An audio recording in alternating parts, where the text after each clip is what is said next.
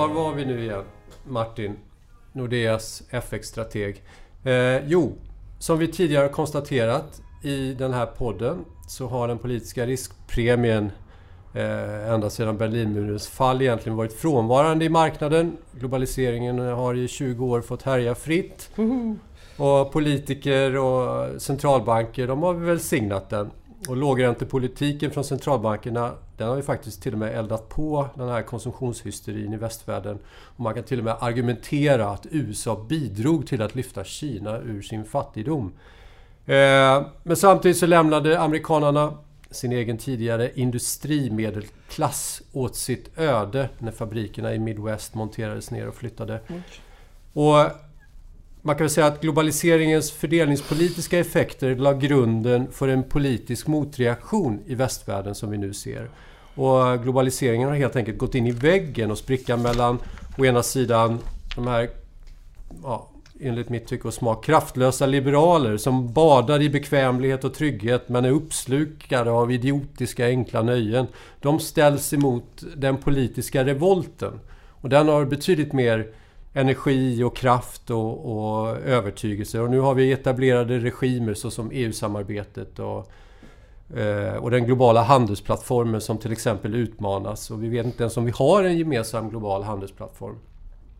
Och antingen är det vi nu bevittnar en parentes i den långa trenden. Det har du hävdat Henrik förut och det är därför jag har försökt gjort narr av dig i flera sammanhang. För Ja, det är ingen det- parentes. lyssna nu. Alltså, frågan kommer här. Ingen Antingen är det, parentes. är det vi ser nu en, en parentes eh, i den här långa trenden av eh, gemensamma marknader och ömsesidiga beroenden.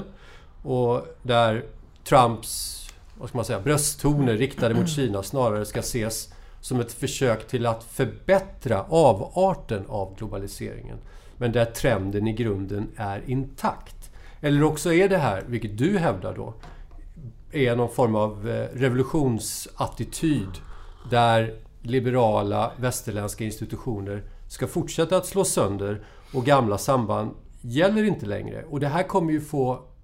Alltså utfallet av det här kommer ju få stora konsekvenser för valuta, ränte och börser. Eller marknader gement. På sikt i alla fall. Ja, precis. Eh, vad säger du om det här Martin? Jag, jag vill säga så här. Hej Henrik. Nordeas egna Ola-Conny. Eh, jag, jag, Ja, man lyfter ju fram ekonomisk ojämlikhet som drivkraft för mycket av den politiska eh, omvälvning som, som pågår, ser det ut som. Eh, och det ligger ju mycket i det. Min tanke har varit nu på sistone att eh, det här är analogt med Gutenberg. Vi upplever kanske nu eh, en ny Gutenbergs tryckpressrevolution. Och alltihopa kan sammanfattas egentligen med en mening. Och den är om den digitala revolutionen är jämförbar med tryckpressrevolutionen så är vi på väg mot nya religionskrig.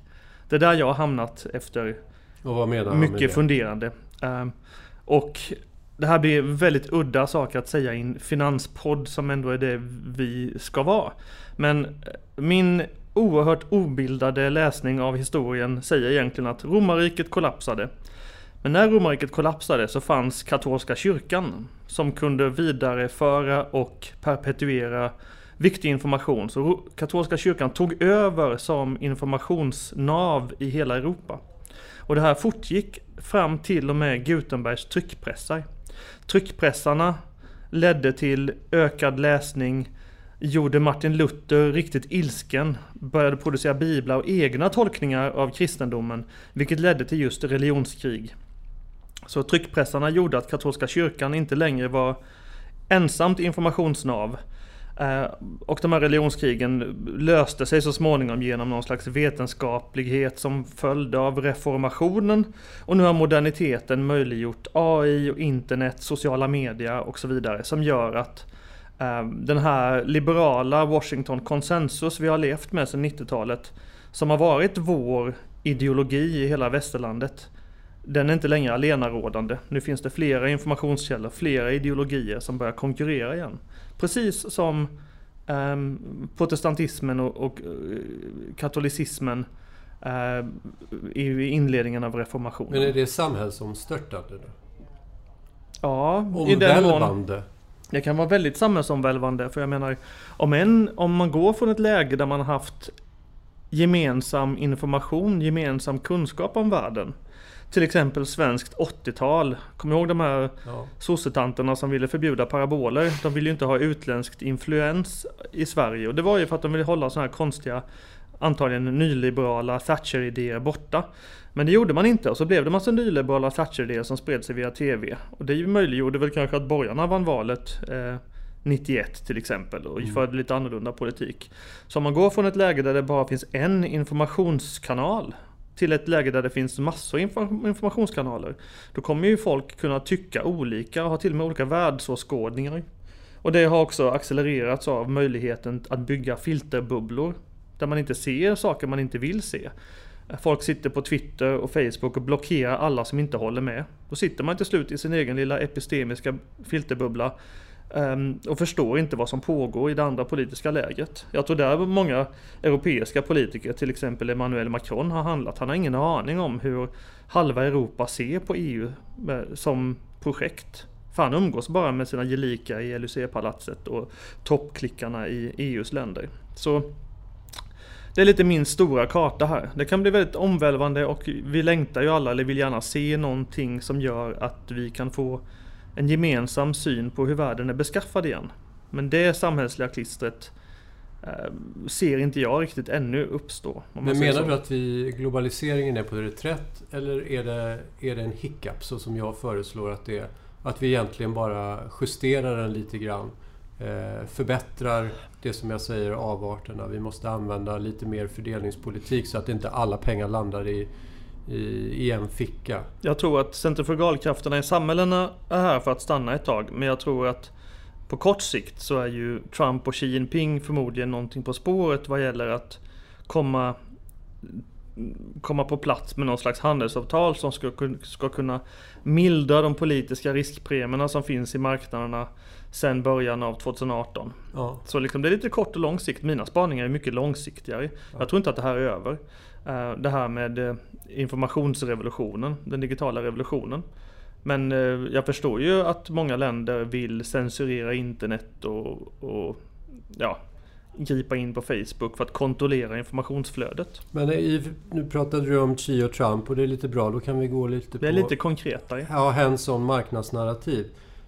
De samtalen som jag har med investerare, de gör gällande att det, det känns som att de saknar någon form av övertygelse. Visst, de ligger långa börsen och den stiger som den, som den alltid gör när, när centralbanker är mjuka. Eh, låter inte luras där ute. Centralbanker är ju i huvudsak en simpel utförare av finanskapitalets önskningar. Eh, och Feds penningpolitik är inte data dependent, den är S&P dependent. Men lika fullt. Eh, jagar börsen verkligen en återhämtning? Eller jagar den någonting annat? Ja, det är väl det vi alla frågar oss. Um, jag tycker att man ska vara varse att vi har en oerhörd monetär promiskuitet uh. där ute. Eh, speciellt från USAs centralbank som tenderar att eh, hålla i taktpinnen för alla globala finansmarknader. Eller för alla finansmarknader egentligen. USA styr helt enkelt. De är primus motor. Först händer det i USA och sen får resten av världen Pax åka i USAs sidovagn. Och här har man från Feds sida man har mjuknat på tre olika sätt och jag vet inte om folk har riktigt uppfattat det där ute. 4 januari så gjorde ju Powell en sån här 180-gradig skateboard-sväng oerhört hastigt så liksom bytte han riktning. Helt plötsligt så har han lovat att avsluta att avtrycka dollar. Det här låter ju helt obegripligt som mycket av det jag säger. Men om man trycker dollar så blir alla glada och om man avtrycker så blir man ledsen. Och att säga att man ska sluta avtrycka gör rimligtvis folk glada. Det är lite Björnes magasin över den förklaringen, men jag gillar det. Ja. Mm, enkelt, det är mm. raggaranalys. Mm. Det är Vetlanda torg. Mm. Uh, funkar väldigt väl. Um, det, sen har man dessutom, det är då första delen, man ska inte avtrycka dollar, inte hålla på med sån här QT som man pratar om. Uh, och det kanske man slutar med nu under andra halvan 19. Sen har man också lovat att inte höja räntan på ett tag. Man är liksom tålmodig, det är vänta och se hej och hå. Eh, och det är skönt. Då behöver man inte oroa sig för att Fed ska eh, höja räntan och orsaka nya svallvågor på finansmarknaderna som annars skulle kunna bli fallet. Men vad tredje är, det är att flera riktigt tunga Fed-filurer har sagt att nu när inflationen har varit låg ett tag då kanske vi kan tillåta att den blir hög ett tag utan att höja räntan. Och många i marknaden tror ju att när som helst så kommer det någon slags eh, sån här ketchup-effekt där kärninflationen i USA tar en faslig fart för att lönerna tuggat på och arbetsmarknaden är stark och så vidare. Men nu säger Fed, i alla fall tre stycken Fed-filurer, två av dem är riktigt tunga, Clarida och Williams.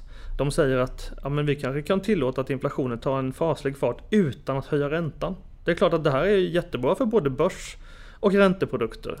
Och det betyder att skulle, skulle inflationen mot förmodan stiga så släpper man, upp real, eller släpper man ner realräntan. Istället. Man låter den vara. Ja. Och låga realräntor är jättebra för börs och emerging markets och Så man- guld och så vidare. Precis, så man kappar det som inflationen eventuellt kan ställa till med skulle den visa sitt ful- fula tryne. Och samtidigt så är man backstop. På nedsidan skulle börsen falla, då är man beredd att, Ja, att man. Ja. Antagligen, om den faller tillräckligt. Sen ska man ha med sig det om vi, om vi snackar börstendenser nu att eh, makrodata globalt har varit riktigt, riktigt knackig. Um, och normalt sett om data är mycket sämre än väntat, vilket den har varit nu under första kvartalet hittills, så brukar det sätta sig i att börsen går dåligt medan obligationer avkastar bättre. Men det har man helt struntat i och det finns väl flera skäl till varför detta kanske har varit vettigt och det handlar nog om att man har fått lite ett, Dels har man fått ett carte blanche för man har fått massor ursäkter varför data kan vara dålig. Och om man tror sig kunna förklara bort att data är dålig, då behöver man inte bry sig om att data är dålig. Och det hänger ihop med federal shutdown i USA. Man stängde ner den eh, federala regeringen, betalade inte ut löner ett tag och det sätter sig i data. Och just nu har ju, är det väldigt kallt och eländigt väder i USA också. En sån här bombcyklon pratar man om. Man är väldigt duktig på att jaga klick i amerikansk media. Eh, och sen finns det lite förstås handelskriget som, eh, som sänker data också eh, via olika effekter. Så börsmänniskor har ju kunnat se igenom dålig data och tänka ja men det här är nog ändå temporärt för Trump och Xi Jinping de kanske är på väg mot ett handelsavtal. Kanske har vi en ny Donald Tov Xibentrop-pakt som kan hålla som kan göra att länderna håller sams i alla fall fram tills presidentvalet 2020. After which all bets are off. Men skulle det betyda att, eh, att vi ser, om det skulle inträffa, blir det en kursrak- kursraket då eller är det buy the rumor, sell the fact? Är det inte det börsen prisar in just nu? Att det ska bli fred? Och Till, att, till viss del. Och där bråkar vi om på marknaderna huruvida man diskar för mycket eller diskar för lite. Och det där är alltid väldigt, väldigt diska svårt. betyder diskonterar. Ja, det är alltid väldigt svårt att säga om man diskonterar alltihopa eller om det kan få lite ytterligare skjuts. Som en gammal tumregel jag fick lära mig för en 10-15 år sedan så, så kan man säga att om eh, när någonting händer eh, så är det kanske två tredjedelar, 75% diskonterat innan det händer. Mm. Så allt det roliga händer innan det händer så att säga. Mm, jag förstår. Men eh, Martin, du är ju trött på hela det här BAS-temat och standardsvamlet kring det där. Eh, Så vad är dina... Har du lite mer positiva tankar kring eh, omvärlden? Ja, jag är väl lite överallt i mina tankar om omvärlden. Det jag sa om eh, Gutenberg och det här med epistemisk, ep- epistemiska frågor. Det är väl ganska bäsigt kan man tycka. Men jag tycker helt enkelt Men du ser lite gröna skott där ute. på ett personligt plan så tycker jag att det är oerhört mycket mer intressant att leta efter någonting som avviker från konsensusåsikten. Ehm, och det behöver inte betyda att jag har rätt. Ganska ofta har jag fel för att jag är för tidigt ute. Eh, och vi började på Nordea att slå på den stora bästrumman oktober-november 2017. Som dess har vi sagt bäs, bäs, bäs. Som någon slags domedagspatrull. Men då, slutet 17, början 18, då var det ingen som höll med. Absolut ingen. Man blev idiotförklarad vart man än vände sig. Äh, man hade helt fel. Dollarn skulle aldrig stärkas och börsen skulle bara upp och så vidare. Och makro var fantastiskt, det fanns inga konjunkturhot och det skulle aldrig bli recession. Nu har ju stämningsläget gått så långt så att alla håller med den här domedags... Det här bring out the dead, lite Mm. den känslan. Och det är därför jag gärna liksom tittar på vad som skulle kunna göra att, att, vi, att den här konsensussynen på att allt ska gå åt pipsvängen, att den blir fel. Det tycker jag är mycket roligare. Mm. Ehm, Och det hänger till exempel ihop då med att den här eh, monetära lättsamheten i USA har gjort att realräntorna i USA faller. Och om de bara står fast vid sitt ord nu Fed 3-6 månader till då kommer ju Fed inte stoppa risk på generellt sett. Då kan det bli kanske okej ett tag. Um, och om realräntorna faller då blir det automatiskt sett nästan inflöden till emerging markets. Så blir det inflöden på obligationssidan i, i tillväxtländer. Då brukar det leda till att tillväxtländernas ja, tillväxtförutsättningar blir lite bättre. Vilket i sin tur är förstås börspositivt och kan göra att dollarn så småningom kanske pressas tillbaka. Ja. Eh, allt det här är förstås betingat på att man får någon slags okej okay lösning på Brexit och att man får någon slags handelsavtal mellan Trump och Xi Jinping på plats. Så det finns massor risker som skulle kunna göra att de här små gröna skotten man kanske ser nu fram emot andra halvan 19 att de skulle kunna vissna innan de har hunnit bli någonting. Precis. Eh, om vi glider över till Sverige då. Och den svenska kronan. 10,60 på eurosek. 9,50 på dollar SEK. Vad säger du om det? 9,30 var vi i morse väl? Ja, jag vet. Men jag, jag tar 9,50 som var någon form av toppnotering förra veckan. Ja, det är väldigt spännande. Man kan väl säga att eh, en hel del intressant har hänt på den svenska statistikfronten i år. Då till att börja med så hade vi inflytelserika banker som i, början, i december förra året tyckte att rekommenderade sina kunder att ja, men kronan den skulle kunna bli en av årets bästa eh, handelsidéer 2019. För kronan var så svag och det är klart att Riksbanken skulle höja räntan och så vidare. Två, tre stycken sådana här inflytelserika investmentbanker rekommenderade det här. Eh, och vad som händer är förstås att sådana här trades of the year, de ska ju alltid gå fullkomligt åt pipsvängen i början av nästa år. Jag har som tumregel att det folk tror ska hända i början av nästa år, det kommer motbevisas som senast den 23 januari. Och mycket riktigt, Eurostocky, kronans värde mot euron, eh, kronan har alltså tappat trendmässigt fram till och med eh, för någon vecka eller två sedan. För att svensk data har varit den sämsta statistiken vi har sett sedan 2005. I olika utfallsdata. Konsumtionen är kaputt. Huspriserna är svagare än väntat. Eh, inköpschefsindex och sånt kanske är lite bättre än väntat men det har dominerats av andra faktorer. Och nu har vi dessutom fått två stycken inflationssiffror som har varit under förväntan. Och det är klart att då har den här idén att kronan skulle stärkas, den har ju motbevisats och det med råge. Eh, härifrån dock så tycker väl vi fortfarande att kronan är lite billig och att man kanske skulle kunna falla till 10.30-10.40 eh, givet att data i Sverige faktiskt har förbättrats lite sista veckan. Och inflationsunderraskningen vi såg den var förvisso lägre än väntat men inte så mycket lägre än väntat att den ska göra att kronan tappar härifrån för kronan har redan diskat att allt är ganska eh, eländigt i Svedala. Mm. Det är lite grann mikroterrängen som du beskriver där. Um, om om jag får jo, göra en inflikning. Väldigt, väldigt kortsiktiga spaningar från Ja, mig. precis. Du vet ju eh, att jag anser att dagens penningpolitik i allmänhet och Riksbanken i synnerhet är en destruktivt perverterad livsform. Den leder ju oss rakt i fördärvet och snart kommer vi att sitta här och fördela våra potatisskal eh, och undra vad det var som hände. Eftersom jag tänker så här att svenskar, vi har ju inga sanslösa inkomster i Sverige som matchar den sanslösa prisbilden i fastighetsmarknaden. Eh, allt möjliggörs ju av extremt låga räntor och en gigantisk belåningsmöjlighet. Och nu räcker inte ens det här för att driva prisbilden vidare. Plötsligt är inte fastighetsmarknaden den gigantiska kassako som möjliggör att hushåll med mediokra inkomster kan leva ut sina Puff Daddy-drömmar. Eh, Henrik, vad är en Puff Daddy-dröm? Ja, men det, det, är lavish living. Har du tittat på sådana här Jag såg fånig, Puff Daddys fånig dag-tv i USA igen? Ja. Med de här stora husen. Jag såg hans lyxjakt i, i Nice vid ett tillfälle.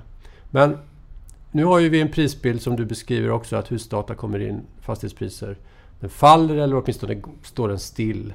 Eh, och det tror jag att den insikten hos svenska hushåll gör att man, man köper inte den här nya bilen eller åker på den andra Bamseklubbsemestern till Thailand och det blir ingen helg i Nice. Bostadsprisbankomaten har slut ja, på sedlar. Ja, precis. Exakt. Och naturligtvis. Man, eh, man blir helt plötsligt uppmärksam på att vi har en euro. Du får växla, köpa en euro på 11 spänn. Och, och en dollar på 10. Och kronans värde håller på att erodera snabbare än vad Trump hinner tweeta om sin egen förträfflighet. Eh, och det är ju lite grann så här att för fem år sedan Martin, då kunde du köpa en euro för 8,85. Dollarn kostade 6,50. Då var inflationen, KPIF Energi 1,3% Idag är inflationen 1,4% En tiondel högre KPIF Energi. Det är det Riksbanken har lyckats ro hem med minus 50 punkter i styrränta. Stolt ägare till 40% av den svenska statsskulden. Samt en kronimplosion.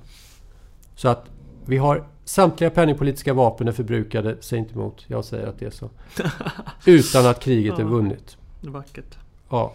Och jag det... tycker man kan höja blicken vad gäller svensk del. För här hade vi senast en diskussion mellan våra Inom våra avdelningar, både lite makromänniskor och några, några av oss mer eh, vilda tänkare på strategisidan satt och diskuterade just eh, kronan och Riksbanken och svensk tillväxt. Och det är inte så svårt att hamna i någon slags udda slutsats att oavsett vad som händer så kommer kronan tappa. Eh, det, det, är så lite snacket går i marknaden och det hänger förstås ihop med att vi har um, ha, Vi har och har haft ett ekonomiskt politiskt styre av landet som inte löser problemen proaktivt på något sätt. Och det är ju som mest illustrerat förstås av bostadsprisutvecklingen. Det tar en väldans lång tid innan någonting händer. Uh, och oftast är det det som händer för sent. I början av året så var det en klok person som föreslog i en debattartikel att man kanske borde lyfta över skuldsättning. Har vi pratat om det här? Lyfta över skuldsättning från privat sektor till, till offentlig sektor. Um, och det är, är, ju förstås moraliskt förkastligt på många sätt och vis. För då räddar man ju människor mm, som inte borde räddas i någon mån. Men från ett makroperspektiv så vore det ju väldigt hjälpsamt. Skulle man göra någonting proaktivt som lyfter över den här skuldbördan som man är väldigt rädd för, både från den offentliga sidans håll men även från privat finansmarknads håll, så behöver det inte hända så mycket negativt om huspriserna skulle börja svaja till exempel. Men att tro att man ska göra någonting proaktivt i Sverige känns extremt osannolikt. Utan istället kommer man eventuellt ja, ta dagen och krisen när den kommer och försöka göra någonting. Och det är lite grann min poäng också. Att det är lite grann som Einstein konstaterade att definitionen av galenskap det är ju att göra samma sak om och om igen och tro att utfallet ska bli, eller förvänta sig andra resultat. Och det är det jag menar att vi har ett arv, ett kronarv, som är synnerligen dåligt får man väl konstatera. Vi har en 50-årig trend nästan av devalverande krona. Och om, om, om låsningarna och ideologiska tankemönstret fortfarande finns kvar Eh, varför, tror man, varför ska vi då tro att marknaden inte kommer fortsätta att sälja kronor på det sättet som den har gjort? Eh, om vi inte gör någonting nytt. Eh, det är min poäng. Här, här kan man väl återigen ta diskussionen till det mer konkreta.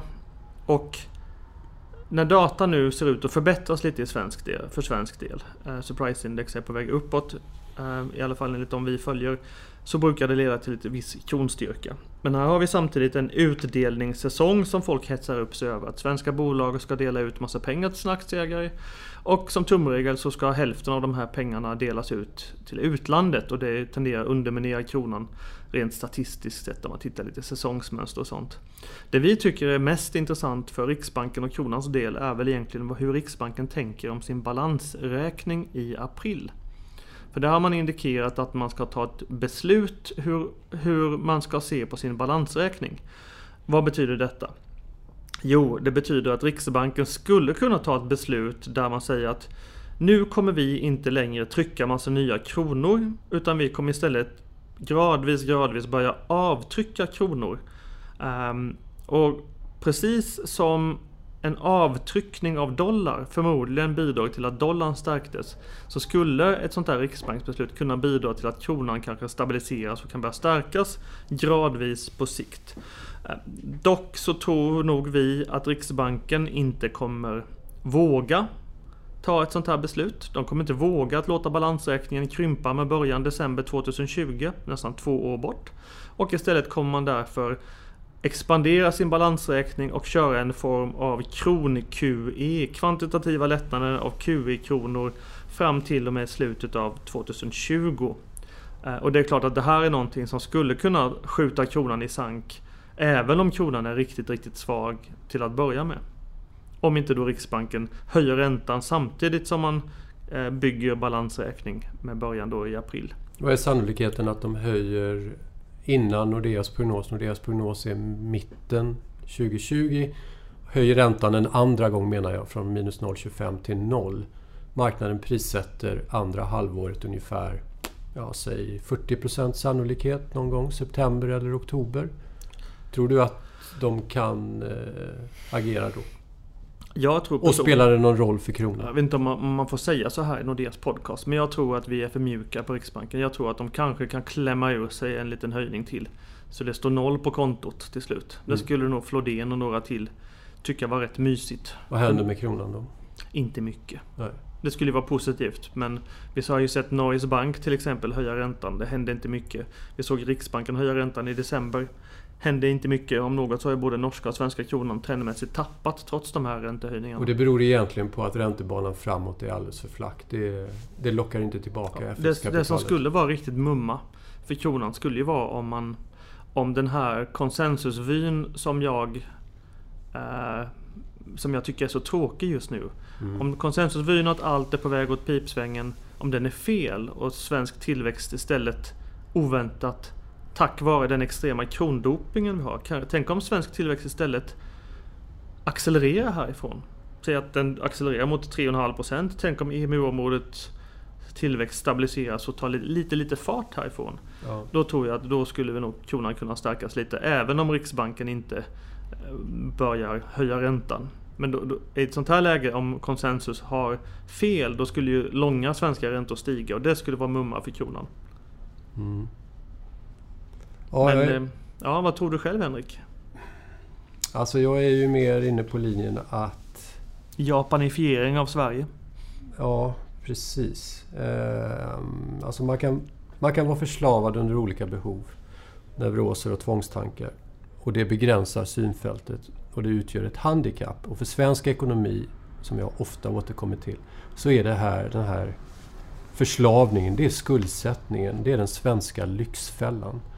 Alltså det måste finnas i en ekonomi bärande element. Det måste finnas en övergripande politisk idé om vägen framåt och att jaga en tillgångsmassa till allt högre höjder kan knappast kvalificera sig som det.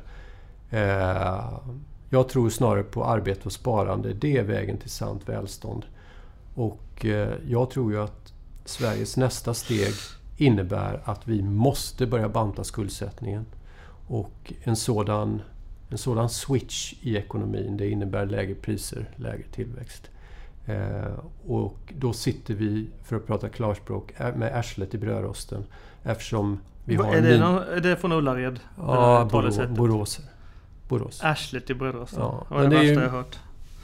Då har vi så att säga inga mer penningpolitiska patroner i patronbältet att tillgripa. Och det gör att, att svensk ekonomi och den svenska kronan är extremt utsatt. Så jag tror inte att vi har sett det sista på uppsidan i, tyvärr, i devalveringskronan. I, mm. men låt mig säga en sak ja, Avslutande. En, en snackis nu sista dagarna är ju... Snackis? En snackis. Ja, det, ja, det är sånt man har i, mm. i, i såna här... Jag tror man har det i sån här statligt styrd radio. Då har man mycket snack. Mm. Uh, men en snackis är i alla fall att vissa såna här... Uh, ja, ekonomiska tänkare, eh, feltänkare kanske, de har nu upptäckt att svensk skuldsättning i den offentliga sektorn är på väg att bli för låg. För EUs skuldregler säger att skuldsättningen får inte bli för hög hos staten och den får inte heller bli för låg. Det tycker jag, alltså hur absurt är inte det här? Ska mm. ett land inte få vara icke skuldsatt? Vem bestämmer det? På vilka mm. grunder då? Det är det knäppaste jag har hört. Men eh, de prognoser som läggs just nu är att svensk statlig skuld är på väg under, under 30-35% Och att det här gör ju då att vi kommer bryta mot EUs skuldregler för att vi har för lite skuld. Och då kan man ju gå tillbaka till den här idén som torgfördes av en före detta AP1-strateg, första AP-fondstrateg tidigare i år. Att ska inte staten då ta över privat sektors skuld? För över den till staten istället. Då behöver du inte få en jättesvag krona. Tillväxten behöver inte vara så dålig. Lyft över 20% på något fiffigt sätt. Uh, det här Som är en ju, liten julklapp. Ja, det här är ju Viagra för staten att tänka sådana här tankar. Staten får ju ännu mycket större inflytande än vad den redan har. Men det är det många som vill ha. Mer makt till staten är ju en ny trend där ute.